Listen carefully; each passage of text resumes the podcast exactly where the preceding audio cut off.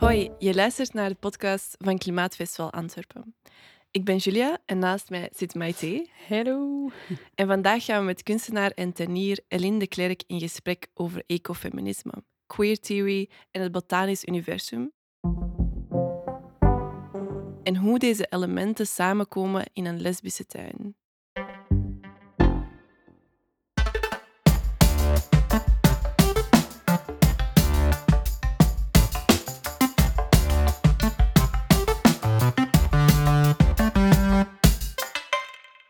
Dag Eline. Hallo. Hoi. Jouw artistiek project, het Gesamthof, is een lesbische tuin in Antwerpen. Wat moeten we ons daar juist bij voorstellen? Wat, wat is een lesbische tuin? Dat is de vraag die ik altijd krijg. en dat is ook de reden waarom dat ik samen met Anne Reniers zijn we een film beginnen maken over wat is een lesbische tuin. Omdat overal waar dat wij komen krijgen wij die vraag. En de reden waarom dat, dat lesbische tuin heet, is omdat lesbische identiteit bijna niet ingevuld is. Dat als, bij andere woorden heb je direct een idee wat dat je daarbij kunt voorstellen. Als we dat een regenboogtuin hadden genoemd, dan hadden mensen daar niet gevraagd wat is een regenboogtuin. Dan hadden ze daar zelf wel iets bij bedacht of zo. Bloemetjes het... in de kleuren van een regenboog. Ja, maar effectief in tuinprogramma's zie je dan zo... En we hebben een regenboogtuin aangelegd. En je denkt van, maar oh, fijn, dat bestaat zelfs echt. en uh, als je dat een, een, een queer tuin noemt, dan hebben mensen heel veel voorstellingen, omdat queer nu eigenlijk heel erg ingevuld wordt vanuit heel veel verschillende hoeken. Dus iedereen, vanuit welke hoek dat ze komen, gaat daar wel ergens een soort invulling bij hebben. Maar lesbisch niet. Op een of andere manier is dat nog altijd een soort struikelwoord.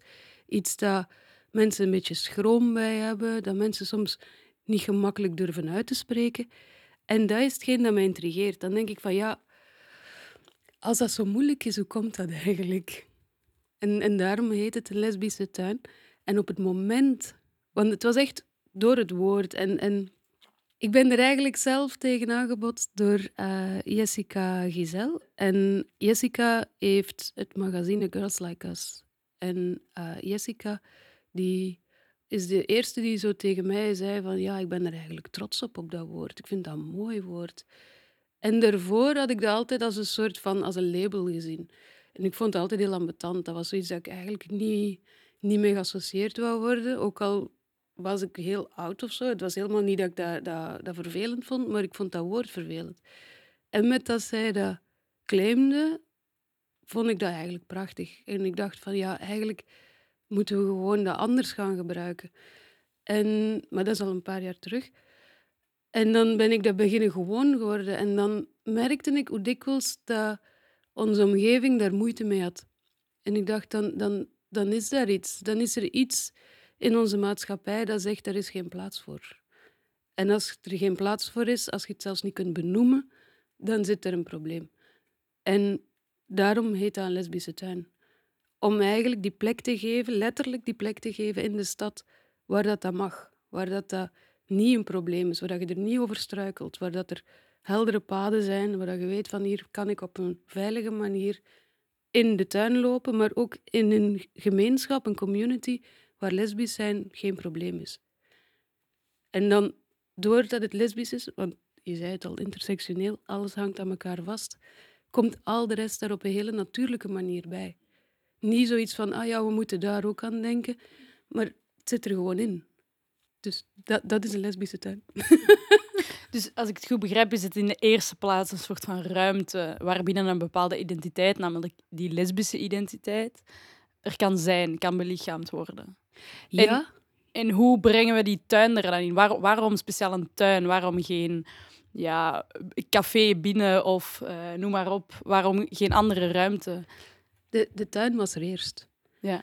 Dus dat was eigenlijk een, een, een oude kloostertuin die uh, in de jaren negentig, denk ik, is de laatste pater daar vertrokken. En dan is die tuin, hoe moet ik dat zeggen, niet meer echt een, een vaste tuin geweest, maar wel door mensen gebruikt. Dus er kwamen en gingen mensen. Er was een keer, denk ik, waarschijnlijk een kippetje. En een andere keer heeft er iemand uh, pompoenen geplant. Ja, er zal wel van alles gebeurd zijn, maar die tuin zelf was niet meer een stuk grond waarvoor gezorgd werd. Dus die is heel erg in verval geraakt. En dan, ik vermoed in 2010 of zo, is daar de Antwerpse snoeidienst in uh, gekomen. En die hebben alle bomen afgezaagd, behalve drie. Op het einde staan er nog drie bomen. Alle andere bomen hebben ze gewoon afgezaagd. En die hebben alle struiken met de grond gelijk gemaakt. En als er zoiets gebeurt, dan, omdat dat hele rijke grond is, gaan alleen de allersterkste planten uh, overleven. En dan krijg je dus brandnetels en braamstruiken. En dan heb je dus geen diversiteit meer. Dan wordt die, die tuin eigenlijk helemaal overgroeid door alleen het allersterkste. En al de rest raak je kwijt. En toen ik in die tuin kwam, was het alleen nog maar dat. Je had een beetje gras, uh, braamstruiken, brandnetels. Er kwamen ook geen mensen meer in die tuin, want ja, dat is super onaantrekkelijk. Je gaat er niet mm. even picknicken of zo. Als daar iets gebeurde, als er een event was, werd uh, de snoeidienst terug binnengehaald, werd alles met de grond gelijk Waarom? gesnoeid. Waarom? Waarom hebben ze die tuin vernietigd, hoe, dat, hoe dat was? Ja, dat is een hele goede vraag. Ik denk dat mensen niet op die manier naar natuur kijken. Dat zij zoiets hadden van, mm. we gaan het opruimen. En dan kunnen daar een tent zetten, een partytent. En dan kunnen daar even drie dagen iets doen. En daarna een barbecue zitten en barbecue ja. of zo. Ja. En daarna groeide al alles terug en, en waren dat terug brandnetels. Dat, hmm. dat is eigenlijk de situatie toen dat ik daaraan kwam, zag het er zo uit. En, maar die tuin was dus eerst. Alleen een tuin is, een, is het huis van heel veel dieren. Dus uh, wij denken dikwijls dat een, een vogelnestje dat dat het huis is van een vogel. Maar dat is eigenlijk het bed. dat is niet het huis. Mhm. Het vogelnestje is waar dat ze gaan slapen. Slaapkamer. Ja, en daar zijn de baby's. Maar de tuin is hun huis. Dat is mm. waar ze wonen, dat is waar ze eten, dat is waar ze een badje nemen, dat is waar ze uh, van het een naar het ander huppelen. Dus op het moment dat je binnenstapt in een oude kloostertuin, stap je binnen in het huis van die dieren. En als je dan met een snoeidienst daaraan komt, dan heb je dus eigenlijk heel een huis vernietigd. Mhm. En dus dat, dat, dat is er allemaal al. Maar het is niet zichtbaar. Die mensen die daaraan komen, die denken gewoon, ik heb hier een lijst, daar staat op, dat moet, uh, uh, al, de wingerd moet weg bijvoorbeeld. En de, die doen dat, en dan gaan die daarna weer weg. Die hebben niet gezien dat ze eigenlijk het huis van iemand hebben kapot gemaakt. En van daaruit is die tuin echt ontstaan. Dat is het begin geweest van, hier klopt iets niet, hier, ik, ik denk dat veel mensen dat zouden gezien hebben, maar die hadden geen toegang tot die tuin. Ik had toegang tot die tuin omdat ik daar een atelier huur. En ik had interesse in die tuin, omdat ik, um, ik, had, ik had een soort mobiele tuin in potten die ik altijd meenam. En dan, uh, waar mijn atelier was, zette ik die neer. En dan, als ik dan in, in, uh, in mijn nieuw atelier kwam, zag ik dat er een tuin was. Dus dan heb ik gevraagd aan, aan, aan de mensen die dat verhuren, dat is Morfo van mag ik, mag ik mijn planten in die tuin zetten? Want dat lijkt me zo logisch om, om dat te doen. En um, ja, dan zegt ja, dat is goed. En dan stilletjes aan begin ik zo die tuin beginnen leren kennen. Maar niet vanuit een opdracht. Niet zo, het was niet een residentie waarbij dat ze zeggen, hier mogen als kunstenaar nu iets verzinnen of zo. Het was bijna toevallig. En ik had ook helemaal niet de bedoeling om in een tuin te werken. Ik had genoeg andere projecten. Ik had eigenlijk helemaal geen tijd voor zoiets. en dan uh, maar doordat ik die, die, die planten daarin had gezet, zag ik van, hier klopt iets niet. Het is alsof dat je in een stuk van de stad komt en je voelt automatisch van, hier klopt iets niet. Hier zijn uh, aan het Kiewitsplein, naast de tuin, heb je dat ook dat gevoel. Hier klopt iets niet. Er is geen plaats voor mensen daar. Kiewitsplein is een plaats voor kantoren, is een plaats voor... Uh, er, is, er is rekening gehouden dat er een parkeerplaats is, er is vlakbij de trein. Dus op papier lijkt dat te kloppen, maar als je daar aankomt, wat ze vergeten zijn, zijn de mensen. Er zijn geen bankjes. Je kunt daar niet even gezellig een babbeltje maken. De gebouwen zijn zo hoog dat er altijd waait. Het is er altijd onaangenaam. Je gaat er niet blijven hangen of zo. En datzelfde gevoel had ik met die tuin. Zo, er klopt iets niet, maar wat is dat? En dan heb ik eigenlijk het eerste jaar heb ik niet echt iets gedaan, behalve opruimen. Alle, alle afval weghalen, um, brandnetels weghalen. En, en met dat ik daar was, begonnen andere mensen die daar passeerden ook interesse te krijgen. En op den duur waren heel veel kunstenaars aan het meehelpen. En dan, doordat zij dat... Sommige mensen zijn zo van die, van die doorpakkers en die zeiden, oh, we gaan een container huren. Weet je wel, ik zou er zelf nooit opgekomen zijn. Maar we hebben dat dan niet gedaan, die container, dus hebben het gewoon meegenomen. maar uh, zo is dat eigenlijk rap gegaan. En die, die tuin is rap proper geworden. En, en al die kunstenaars waren ook in die tuin aan het werken.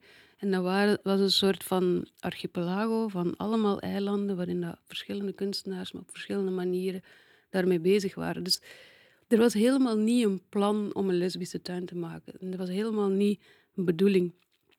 Maar ik ga een bruggetje maken. een bruggetje als, als een ecotoon. En een ecotoon is de plek tussen twee verschillende gebieden. Dus je hebt bijvoorbeeld een, een grasveld en je hebt een bos. En dat stukje tussen het bos en het grasveld, daar zit de hoogste diversiteit van soorten, dieren en planten, omdat je van het ene gebied overgaat in het andere. Dus je hebt kwaliteiten van het ene en kwaliteiten van het ander, die komen samen. En daaruit krijg je dus een soort um, grotere diversiteit. Daar gebeurt eigenlijk alles. Daar krijg je hele mooie planten, heel interessante dieren die daar wonen. En dat soort bruggetjes zitten ook in wat dat wij doen, wij allemaal. Dus ik heb van, van opleiding heb ik schilderkunst gedaan. En na mijn opleiding ben ik in de botanische tuin gaan werken in Gent als vrijwilliger. En dat is een ecotoon. Dus dan kom je van de beeldende kunst in het botanische. Maar iedereen heeft dat. Iedereen op hun manier. Iemand die, die met literatuur werkt en die met mensen werkt, die gaat ook een ecotoon daarin hebben. En dat zijn interessante voedingsbodems voor nieuwe ideeën, voor nieuwe inzichten, voor dingen bij te leren. En dat is hetgeen dat, dat mij eigenlijk in die tuin heeft getrokken. Dat ik dacht van, ah wacht, wij als kunstenaars zijn gewoon om altijd in een atelier te werken, om altijd binnen muren te werken. Onze tentoonstellingen zijn binnen, onze, uh, we ontwikkelen ons werk binnen. Maar op het moment dat je buiten komt, begin je helemaal anders te denken. En andere dingen te zien en andere manieren van samenwerking te zien. En als je, moet daar een beetje tijd voor pakken en, en ontdekken. En dan kun je dat toepassen en ook in, in samenwerking gebruiken. Dus Anne en ik hebben nu een film gemaakt, maar onze, onze samenwerking is veel meer gebaseerd op zo'n ecotoon dan op hoe dat je normaal gezien als kunstenaarscollectief of kunstenaarsduo samenwerkt. Normaal gezien als je met iemand samenwerkt, dan heeft iedereen een duidelijke rol. Er zijn uh, duidelijke afspraken gemaakt.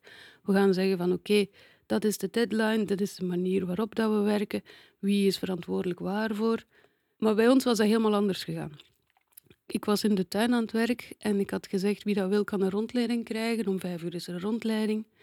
En op het einde van die rondleiding kwam Anne die tuin binnengewandeld. en, en Anne ze is filmmaker, ze is kunstenaar. En ze deed op dat moment een residentie in het gebouw van Morfo. En zo zijn we beginnen babbelen. En op een gegeven moment um, vroeg ik aan Anne, ken je een filmmaker? En ze zei, ik ben een filmmaker. dat is ongelooflijk. Maar we stonden dus in die tuin te babbelen. Ik zei, ja, die tuin is tijdelijk. En toen dachten we nog dat we in, in deze zomer eruit zouden moeten. Nu is dat even verlengd, we weten niet hoe lang. Maar dat kan dus ieder moment gedaan zijn. En ik had zoiets van, ja, er moet een document zijn van wat hier gebeurd is. Het is een tijdelijke tuin, maar tijdelijk, daar kun je heel veel vragen bij stellen. En een tuin is altijd tijdelijk. Op het moment dat, dat degene die voor die tuin zorgt er niet meer is, stopt die tuin eigenlijk ook te bestaan. Dan wordt een soort historisch document. En met dat wij zo dachten van, ja, we gaan, we gaan daar een document van hmm. maken. Zo, waarom had je die neiging om, om daar een document van te maken, dat te documenteren? Dat moment vast te houden voor de toekomst? Om, aan de ene kant door de plek zelf, omdat het zo'n ongelooflijk bijzondere plek is. En al de kans is groot als daar een bouwfirma gepasseerd is, als daar alles gerenoveerd is, dat daar een, een, een heel ander soort tuin wordt aangelegd. En ik vind ook in, de, in, in het archief van, van de lesbian community is dat wel belangrijk. Er zijn niet veel lesbische tuinen. Er zijn er ongetwijfeld veel meer dan dat we weten. Maar het is iets dat nog niet erg bekend is. Het is nog iets dat, dat veel mensen nog nooit van gehoord hebben. Mm. En ik vind het belangrijk om dat te kunnen delen. En om dat niet alleen te delen hier in Antwerpen, maar liefst door de tijd heen en, en over grenzen heen. En met een film kan je dat heel goed doen. Daar heb je, daar heb je eigenlijk alle middelen mee om, om, uh, om dat te doen. Dus we hebben een, een hele korte film van 15 minuten gemaakt over die plek. En de manier waarop dat we hebben samengewerkt, is dat we dus eigenlijk als twee mensen in een tuin zijn gaan kijken van wat interesseert ons, heel intuïtief gewerkt. Uh, we werkten wanneer dat we daar tijd voor hadden, niet met een deadline. Dus iets waarvan dat ik aanvankelijk dacht ik een dag. Dan dacht ik, oké, dat gaat drie weken duren. Dan werd dat drie maanden. Nu hebben we een half jaar daaraan gewerkt. En het is, deze week was het af. Proficiat. Dank u. Gefeliciteerd. en het, het belang daarvan is het verhalen vertellen. Dus verhalen vertellen waarin dat dingen anders zijn. En verhalen klinkt alsof dat we het verzonnen hebben, maar het is, het is helemaal echt. Maar het zijn natuurlijk ook interpretaties. En door, door andere verhalen te vertellen, kan je ook weer andere ideeën genereren en andere toekomsten voorstellen. En in dat opzicht denk ik dat die tuin heel belangrijk is. Mhm. Zeker ook omdat het een alternatief narratief is van de normatieve narratieven die we horen. Uh, die zijn niet queer, die zijn niet lesbisch. Um, die gaan niet om met tuinen die we uh, misschien een beetje laten verwilderen in onze ogen, tussen aanhalingstekens. Maar die we mooi de heggen vanaf scheren in het gras maaien, waar we even de stadsdienst laten overgaan om een mooie tint te plaatsen en alles uh, te laten snoeien met het idee dat het wel gewoon zal teruggroeien of, of dat we geen huizen kapot maken, terwijl dat we dat duidelijk wel doen als we zo omgaan met de natuur. Mhm. Nu, ik denk, oké, lesbische tuin, misschien kan je ons een beetje meenemen in die tuin. Wat, wat zie je, wat ruik je? Wat, hoe moet ik mij daarbij voorstellen? Stel, ik sta in het midden van die tuin, wat, wat zie ik voor mij? Ja. um, om, om te beginnen, er is een hekje. En dat hekje is eigenlijk een mooi schapenhekje, een mooi poortje. Het is geen storend hek, het is niet, het is niet met prikkeldraad of zo. Maar wat het doet is, het is een omgekeerd hek. De hek staat daar niet om die tuin te omheinen, maar om ons te omheinen. Zodat wij niet gewoon daar binnen wandelen en niets vermoedend iets kapot maken. Dus het is een, een hekje dat zegt, jullie, de mensen, staan in het stuk tuin, het grootste deel van de tuin. Waar dan mensen hun ding doen, performers die, die daar een hele mooie performance geven, mensen die daar komen zingen, mensen die daar een installatie plaatsen, uh, beeldhouwers. Wij zitten in de mensentuin. En aan de andere kant is het stukje dat niet gefocust is op mensen, maar op het geheel. En wij worden een onderdeel daarvan. Dus door dat poortje open te doen, stap je eigenlijk in een, uh, een andere mindset, waarin dat het niet meer gaat over mensen. En het gevolg daarvan is dat alles verandert. Dus hier kom je ook terug op de, dat lesbische aspect. En dat, dat klinkt heel raar, maar heel veel tuinen beginnen vanuit een design. En dan wordt iets mooi gemaakt. En dan kijken ze naar wat voor soort tuin dat het is. Hier, omdat het geen menselijke tuin is, vertrek je van wat er al is. En dan ga je kijken van oké, waar kunnen we het verbeteren? En hoe verbeter je door diversiteit aan te brengen? Diversiteit in aarde. Hoe ga je de aarde verbeteren? Welke stukken heb je meer kalkrijke aarde? Welke stukken heb je meer zure aarde? Welke heb je hele rijke grond? Welke heb je juist hele arme grond? Want dat is wat diversiteit geeft. Dus je begint heel anders te denken. Maar wat je ook hebt, is dat je dingen gaat deconstrueren. En je gaat kijken van gender bijvoorbeeld. Als je binnenstapt in dat hekje en je laat dat menselijke stuk, die, die maatschappij eigenlijk, achter u en je stapt daar binnen en je kijkt naar planten zonder dat je ze gaat vergelijken met mensen, dan klopt er eigenlijk niks van dat mannelijk-vrouwelijk verhaal. De meeste bloemen zijn, zijn zowel mannelijk en vrouwelijk, dus je kan dat gewoon van je afschudden. En dan wordt het een lesbische tuin, want dan voel je pas echt welkom in een plek waarin dat die hele binaire code wegvalt. En we hebben met Brave Art Space uit Brussel een rondleiding gedaan die uh, specifiek was gemaakt voor uh, trans mensen. En op het moment dat die rondleiding gebeurde, begreep ik ook veel beter hoe dat wij het botanische in bepaalde vakken zien. En door die rondleiding begreep ik ook dat planten helemaal niet zo denken. Ik bedoel, het feit dat je het zo hoort, planten denken toch niet? Nee, inderdaad. die doen dat niet. Dus opeens begreep ik ook veel meer door die tuin, gewoon door die, die, die mindset te veranderen. En eigenlijk zou iedere tuin gewoon een rondleiding moeten geven voor transpersonen, omdat je dan ook die tuin herontdekt en dat je dus heel veel daarvan kan leren. En dat is dus hoe dat die lesbische tuin werkt. Het is niet dat wij daar een label op plakken en nu moet het zo zijn. Maar juist andersom. Doordat wij dingen gaan benoemen, herkennen, plaatsen, kunnen we andere dingen afleren en opzij zetten en zeggen, ja, dit, dit klopt duidelijk niet. Er was al gevoelsmatig iets dat niet klopte, maar nu kunnen we ook echt zien dat het niet klopt. En op dat vlak wordt die lesbische tuin een intersectionele tuin. En dan begin je ook vragen te stellen van oké, hoe doe je dat als je wilde planten wil daarin zetten? Ga je stelen uit de natuur? Of ga je wilde planten kopen? Waar ga je je geld achterlaten? Wil je dat bij een, een firma doen die heel uh, correct werkt, die aan Fairtrade doet, die goede verloning doet? Dus bij alles komt er eigenlijk iets nieuws kijken van ja, hoe zit dat eigenlijk? De, de lesbische tuin heeft bijvoorbeeld geen financieel plan. Er wordt niemand betaald en er is ook geen geld involved. Maar we krijgen praktisch alles en we geven ook heel veel. Dus het, werkt helemaal anders. Waardoor dat op een gegeven moment, als je dan iemand zou moeten betalen, dan moet je gaan nadenken van ja, hoe, hoe, gaan we dat doen? en dat, dat maakt het heel interessant. En doordat die lesbische tuin geen financieel plan heeft, heeft onze film ook geen financieel plan. Dus nu, de film is af en nu gaan we nadenken, ah ja, hoe zit dat eigenlijk? en dat, dat, maakt het heel interessant. Daardoor, ik leer gewoon voortdurend van die tuin. Mhm. Even terug naar het hek. We, we, waren, we stonden denk ik voor of buiten de tuin. Ja. Tegengehouden door het hek. Wat, wat gebeurt er als, als we dat hek op... Mogen we dat hek zomaar open doen?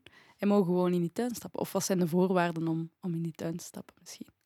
Je, het, het hek is op slot. Het hek is op slot. Dus we kunnen niet in de tuin? Nee. Maar je kan de hele tuin zien. Ah, dus, dus het is zo'n kleine tuin dat je vanaf het hek kan je de hele tuin zien. Dus de mensen komen niks tekort. Okay. Ze kunnen het gewoon zien. En wat zien ze? Je staat in een oude kloostertuin. Dus aan de ene kant heb je een, een kapel, aan de andere kant heb je het klooster. Uh, voor u zie je de, de oude bibliotheekruimtes van het klooster.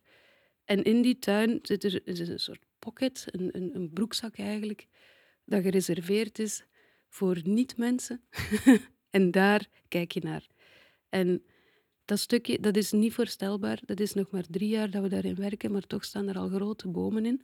We hebben daar een, pijnboom in neergezet. Dat is een pioniersboom die op uh, postindustrieel land als eerste begint te groeien en eigenlijk de natuur terugbrengt.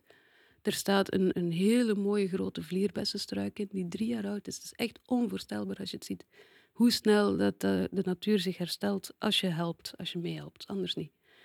En dus je staat voor dat hekje, je ziet die hele mooie tuin. En op het moment dat je de deur open doet, zie je de dingen die je anders niet ziet. Dus om de deur te kunnen open doen, er zijn twee mogelijkheden. Ofwel maak je een afspraak en dan gaan we samen binnen. En ik ben erbij om gewoon uitleg te geven, om die tuin eigenlijk te activeren en toegankelijk te maken voor mensen. Maar de andere manier is dat je iemand bent die meehelpt in de tuin. De mensen die de gieter nodig hebben, die hebben ook de code. die kunnen ook binnen. En dan, je komt binnen en het eerste stuk, we komen binnen aan de kant waar dat er half schaduw is. Dus daar zit je in een, een boslandschap. Daar heb je hele mooie varens. Er is een, een varen die kan wandelen, die heel traag door de tuin wandelt.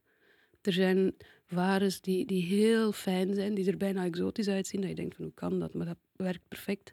Er zijn ook hele mooie klassieke varens die voor, voor heel veel dieren essentieel zijn om te overwinteren. Dus je merkt ook dat die, die plek is een plek waar heel veel vogels komen, waar de, um, de roodborstjes met hun jonkjes komen om te laten zien van zo moet je wormen opgraven en zo. Dus het is echt een hele veilige plek. Wij staan gewoon op paadje, dat, dat is ons stuk. en dan, het, het paadje is ook helemaal overgroeid. Dus het is iets waar je niet gemakkelijk doorwandelt. Je moet over de planten heen wandelen.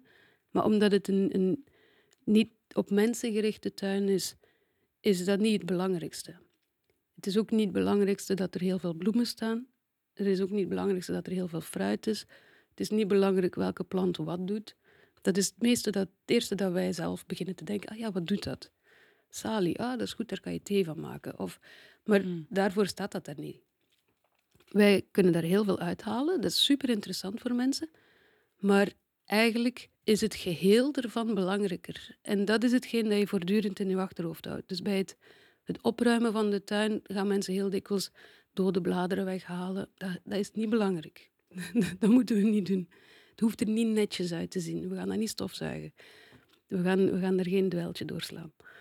Maar het, het, het belang verandert. Dus als het niet mooi moet zijn, als het niet over bloemen gaat, als het niet gaat over het design, waarover gaat het dan wel? En dat is de ontdekking die je doet langs dat pad. Waarbij dat je gaat kijken van oké, wat gebeurt hier? Als dat een boslandschap is en we wandelen een beetje verder langs de kapotte vijver, in de kapotte vijver groeien er ook varens. Dat is heel mooi. um, dan ga je kijken, wat kunnen wij mensen doen? En als je kijkt naar die tuin, het is een stadstuin. En een stadstuin is een tuin met planten van overal. En dat wil zeggen dat er planten van, van uit Zuid-Afrika staan, er staan planten uit Noord-Amerika, van overal uit Japan, staan overal, van overal planten in die tuin. En die werken heel goed samen. En we hebben heel dikwijls in het botanische een soort discours of een, een, een manier van spreken waar wij zeggen, ja, dat is lokaal en dat is niet van hier. Maar iedere plant die hier graag groeit, hier gelukkig is, is een plant van hier. Het belangrijkste is dat het ecologisch geheel samenwerkt. Dat, dat er een, een, een, gezonde balans is tussen alles. En hoe doe je dat? Door aan alles te werken. Door zowel aan de grond te werken als aan het water, als aan de lucht, als aan het geheel. En niet alleen op één iets gaan zitten. En ik denk dat het, het belang van stadstuinen, dat mag nog veel meer uitgelegd worden. Want heel veel mensen denken stadstuinen, ah, dan moeten we iets doen voor de bijen. Hmm. Maar door heel veel verschillende plekken te voorzien, zijn er vanzelf heel veel verschillende soorten wilde bijen gekomen, solitaire bijen. Dus er mag geen honingbij bij ons komen, want als, op het moment dat je daar een bijenkast zet met honingbijen, dan is de concurrentie te groot voor die wilde bijen en dan verliezen we onze wilde bijen. Dus een stadstuin gaat niet over we gaan iets doen, dat is weer heel menselijk gedacht, iets doen voor de bijen. Nee, het gaat over het geheel, het versterken van alles. En eigenlijk, bijen zien geen muur rond een tuin. Een vogel ziet ook geen muur rond een tuin. Eigenlijk is Antwerpen één stadstuin. Met allemaal verschillende broekzakken, verschillende pockets, waarvan alles gebeurt. En dan is het belangrijk dat je ziet van oké, als er bij de buren nergens water is, het eerste wat je gaat doen is water in die tuin brengen. Want dan hebben de dieren die daar zitten, ook in de tuin van de buren, toegang tot water. En dan, zo begin je helemaal anders te denken. Dus uiteindelijk, het pad is daar omdat mensen zouden leren van die tuin en niet andersom. Het pad is daar niet om die tuin te doen mooi zijn voor de mensen. Heb je ook dat gevoel dat mensen leren van de tuin? Want je spreekt over het belang van stadstuinen, maar ook over dat er een hekje is en dat er twee mogelijkheden zijn om binnen te komen. Namelijk de mensen die daar werken, hebben daar toegang tot. Of uh, mensen die een afspraak maken en dan neem je hen mee en activeer je de tuin. En ik vraag mij af, hoe activeer je de tuin? Wat geef je de mensen mee? Hoe reageren ze? Wat, wat leren ze? Wat wil je ze meegeven in zo'n wandeling? Om het te activeren hebben we de film. Omdat dat gemakkelijker is dan dat ik daar continu zou zijn. Voor mij is een, is een manier om dat naar buiten te brengen niet één iemand die iets vertelt, maar het samen denken en het samen vertellen. Dus door eigenlijk deel te worden van een groter geheel, waarbij dat iedereen vanuit hun ervaring vertelt en werkt, dat, dat werkt veel beter. En het, het gaat niet over wat ik met een lesbisch verhaal over het botanische kon brengen, maar over hoe dat wij dat samen doen. En denk je dat de film dezelfde ervaring kan oproepen als ik die de tuin zou bezoeken met jou? Nee, totaal niet. Omdat iedere rondleiding is anders. Mhm. ja. En het, het gaat ook over heel veel verschillende dingen. De ene keer gaat het over de geschiedenis die niet achter ons ligt, maar waar wij middenin staan. En als we dan hebben over de geschiedenis van planten, over het koloniale verleden van België, over hoe dat botanische, zoals het, het, bijvoorbeeld de Sansevieria. De Sansevieria met zo'n geel randje die, die uit Congo is meegenomen, waar nooit voor betaald is geweest. We hebben nooit gezegd van wij kopen dat van jullie. Nee, we hebben dat gewoon meegenomen. Mhm. En dat is dan in een economisch systeem terechtgekomen. Ja, klopt het niet dat in België de stek van de Sansevieria is, waar dat heel veel andere stekjes van gemaakt zijn en eigenlijk bijna alle Sansevieria's die je hier ziet in cafés, mensen in hun huis, komen oorspronkelijk van die stek, die we dan hebben gehaald uit ja. Congo. Klopt, klopt volledig. Dus er is een botanicus in Congo die zag Sansevieria's groeien en tussen die Sansevieria's zag hij één met een geel randje. En die zei, oh, die ga ik meenemen. Dus die heeft dat die letterlijk in zijn broekzak, maar die heeft dat meegenomen. En de moederplant, die stek dat hij heeft meegenomen, staat in Meissen, in de serre. En van die moederplant zijn wortelstokstekken genomen, want bij Sansevieria kan je geen zaden nemen. Dus daarvan zijn stekken genomen. Daarvan zijn al die café Sansevieria's, eigenlijk iedere Sansevieria met die gele rand, want die komt van nature niet voor in die andere, die komt uit dat stukje verleden van België. Maar dan zie je dat verleden niet achter ons ligt, maar dat dat rondom ons is. Wij, wij zien overal ons verleden, alleen herkennen we het niet op die manier. En het botanische kan helpen om te zien dat ons verleden, ons gedeeld verleden met Congo en België, overal rondom ons is. En als wij een Sansevieria zien, dan gaan we niet zeggen, ah, dat is dat. Nee, wij zeggen Sansevieria, want de oorspronkelijke naam zijn we kwijt. Die weten we niet. Dus wij, wij gaan gewoon gebruiken wat dat wij het nu noemen. Dus we hebben eigenlijk aan de ene kant Congo helemaal rond ons, maar aan de andere kant zien we het niet, kennen we het niet, weten we niet hoe dat we het moeten benoemen.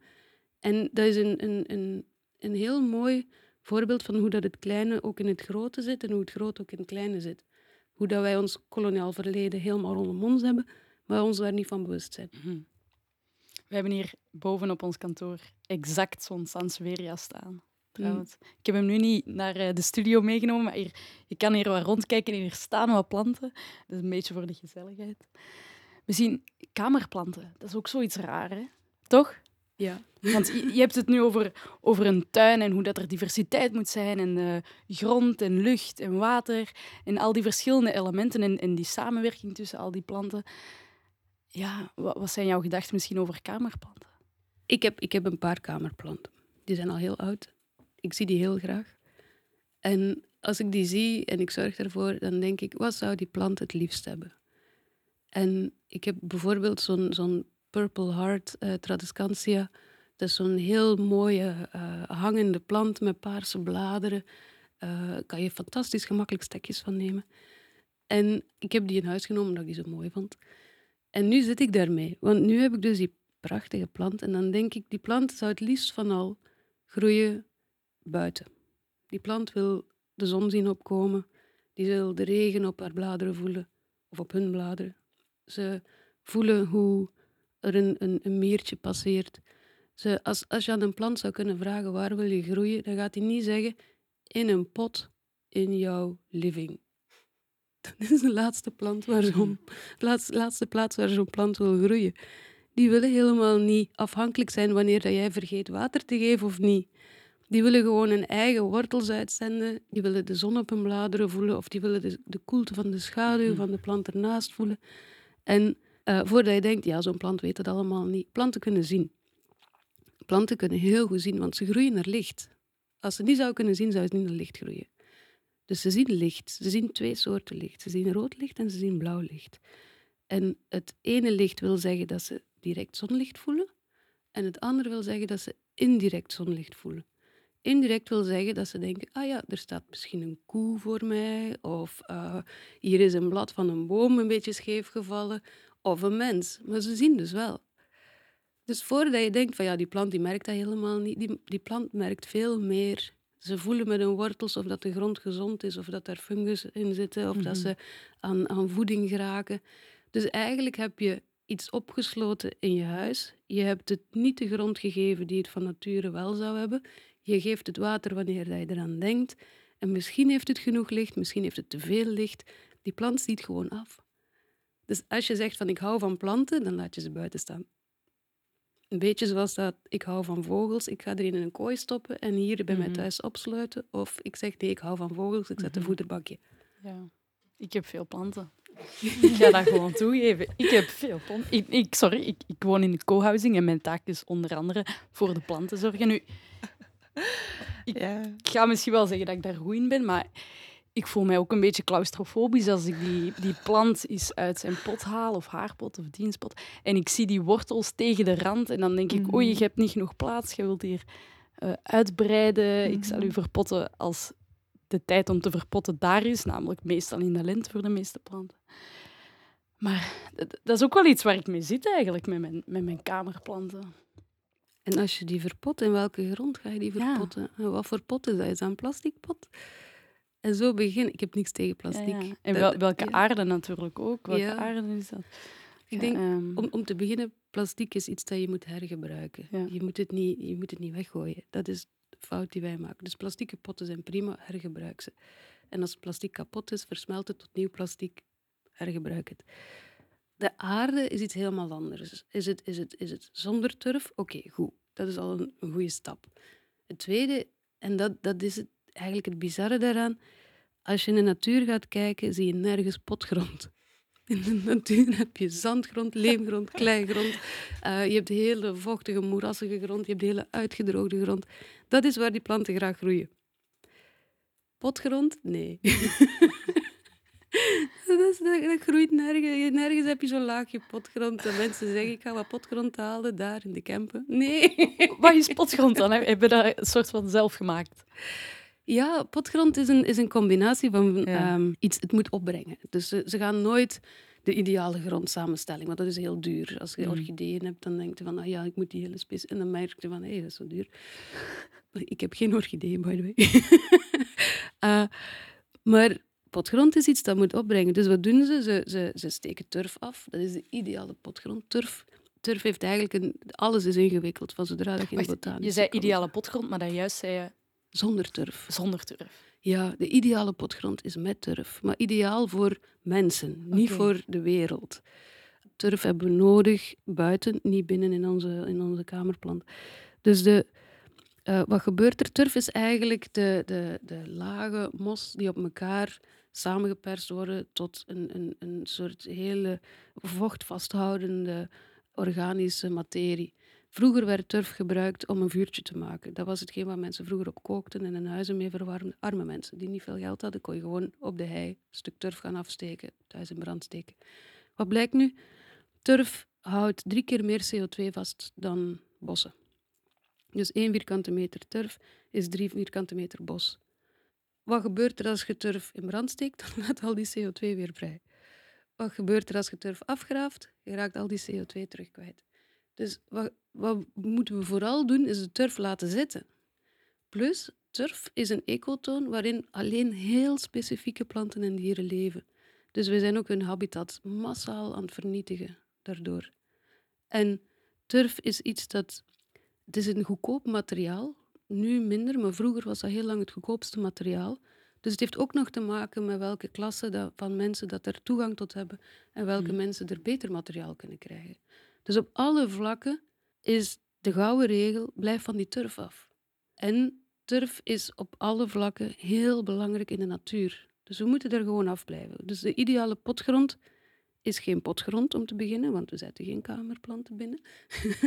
de ideale potgrond is gewoon de aarde waar dat ze van nature groeien. Hm. Alleen wij gaan niet met ons schubje naar buiten met een zak en daar een beetje aarde af doen. Dan hebben we van alles mee dat we niet willen. Eh, dan zitten daar diertjes in, daar zitten onkruiden in. Dus wij kopen steriele grond die vocht vasthoudt, eh, die niet te zwaar weegt. Dat kan je makkelijk Mhm. op je fiets mee naar huis nemen. Ja, je kan, eh, schapenwol zit ook vaak in van die potgrond. Dat is een, een, een natuurlijk voedingsmiddel middel om, om die ron- grond te verrijken. En Wij dan wordt die zak ja. opeens ook lichter. Ja. Ja. Ik heb dat gezien in de winkel toen ik een, pot, een zak potgrond moest halen. Ja. Deze En, en stel jezelf de vraag, wat ben je mee bezig? Ja. Je gaat naar de winkel om aarde te kopen.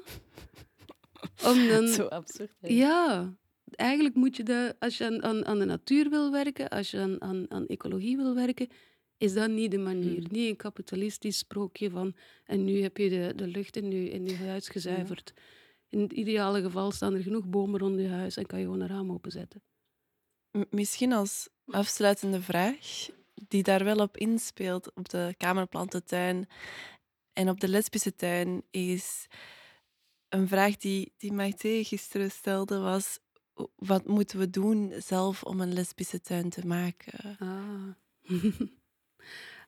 Als je zegt, ik wil zelf een lesbische tuin beginnen, dan kan je eigenlijk al, als je een vensterbank hebt en je zet daar een potje neer en je doet daar aarde in, dan gaat er vanzelf mos op beginnen groeien. En mos vind ik een heel mooi voorbeeld van hoe dat je een natuurlijke geschiedenis op het woord lesbisch kan plakken. Het is natuurlijk niet dat ze zeiden, ah, mos, we gaan het woord lesbisch bedenken voor mos. zo is het niet gegaan. maar als je kijkt naar onze maatschappij, dan zie je dat ze verwachten van een plant dat die mooi is, dat die ofwel mooie bladeren of mooie bloemen heeft, dat er fruit aan komt, dat het geneeskrachtig is, dat je daar vitamine C uit kan halen, dat het groeit in moeilijke omstandigheden. Weet wel, er is een bepaald narratief dat zegt, zo moet een plant zijn. En als je kijkt naar mos, mos heeft geen wortels. Dat is iets dat veel mensen niet weten, maar mos heeft geen wortels. Mos, als je een plukje mos neemt en het ligt op een dakpan en je legt het daarna op de stoep, dan groeit het gewoon verder. Het hoeft niet geworteld te zijn. Heel veel mensen hebben geen wortels, ik ook niet. Ik, ik, ik, ik woon in Antwerpen, maar ik ben een wereldburger. Ik voel me even gemakkelijk thuis in, in een leuke buurt in Londen of in Parijs. Dus ik heb geen wortels. Het idee dat mensen geworteld moeten zijn in een bepaalde plek, van jij bent van hier, vind ik een beetje een, een, een, een eenzijdig idee. Er zijn veel meer mogelijkheden dan alleen maar dat. En mos is een hele leuke plant om dat verhaal te vertellen. Om te zeggen, nee, je hoeft geen wortels te hebben. Je kan ook gewoon door, door een vogel meegenomen zijn en ergens elders neergelegd en je groeit daar ook. Mos heeft geen bloemen. Als je kijkt hoe dat vrouwen in onze maatschappij, en ik zeg nu specifiek vrouwen zoals cisvrouwen, binnen de norm moeten passen, dan is het heel dikwijls, ze zijn mooi, ze, zijn, ze zien er goed uit, ze hebben een mooi kleedje aan, mooie kleuren aan, hun haar is mooi, ze hebben make-up. Je kan het heel goed vergelijken met bloemen, met rozen, met, met zelfs de namen van bloemen. Rose is rose is rose Gertrude Stein. Dat ging eigenlijk over een vrouw. en je ziet de gelijkenis, je ziet overeenkomsten. Mos heeft geen bloemen. Mos heeft geen vruchten. Er hangen geen besjes aan, er komen geen peren aan, er, komen geen, er zitten geen noten in. Mos is gewoon zichzelf. En het grappige is dat mos-communities hebben geen genderbinaire systemen nodig om zich voor te planten. Je kan gewoon een stukje mos afbreken en dat groeit ergens elders verder, zonder dat daar dus die bloemen en die zaden en die man-vrouw binariteit bij moet komen. Dus mos is een heel natuurlijke manier. Als je zegt tegen je ouders, ik ben lesbisch, en ze zeggen, nee, dat is niet hoe dat moet zijn, dan kan je zeggen, jawel, kijk, mos. En mos is veel ouder dan al die bloemen. Dus het is dankzij mos dat die anderen zijn kunnen evolueren. En zo zie ik ook de lesbische community in onze maatschappij.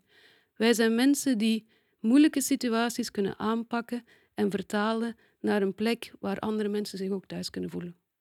En als dat kan, als wij als pioniers die plek kunnen openstellen voor iedereen, dan is het de lesbische tuin. Dankjewel. En gewoon met een potje mos. Dankjewel. Laten we een lesbische tuin maken in het Stadspark of zo. Zo'n hoekje. Ik begin al na te denken over mogelijkheden. Bedankt om te luisteren naar onze podcast. Yes, dankjewel. Als je graag op de hoogte wilt blijven, kan je je abonneren En je kunt ons ook volgen op sociale media. Daar blijft je ook op de hoogte. via de tag at Troebel. Yes. En het Klimaatfestival Antwerpen. Yes. Productie, muziek en opname van de podcast zijn gedaan door Kaat Schilds. Beeld is gemaakt door Design Studio Catapult. En dank aan 1111 en de burgerbegroting van het district Antwerpen om de podcast mee te realiseren.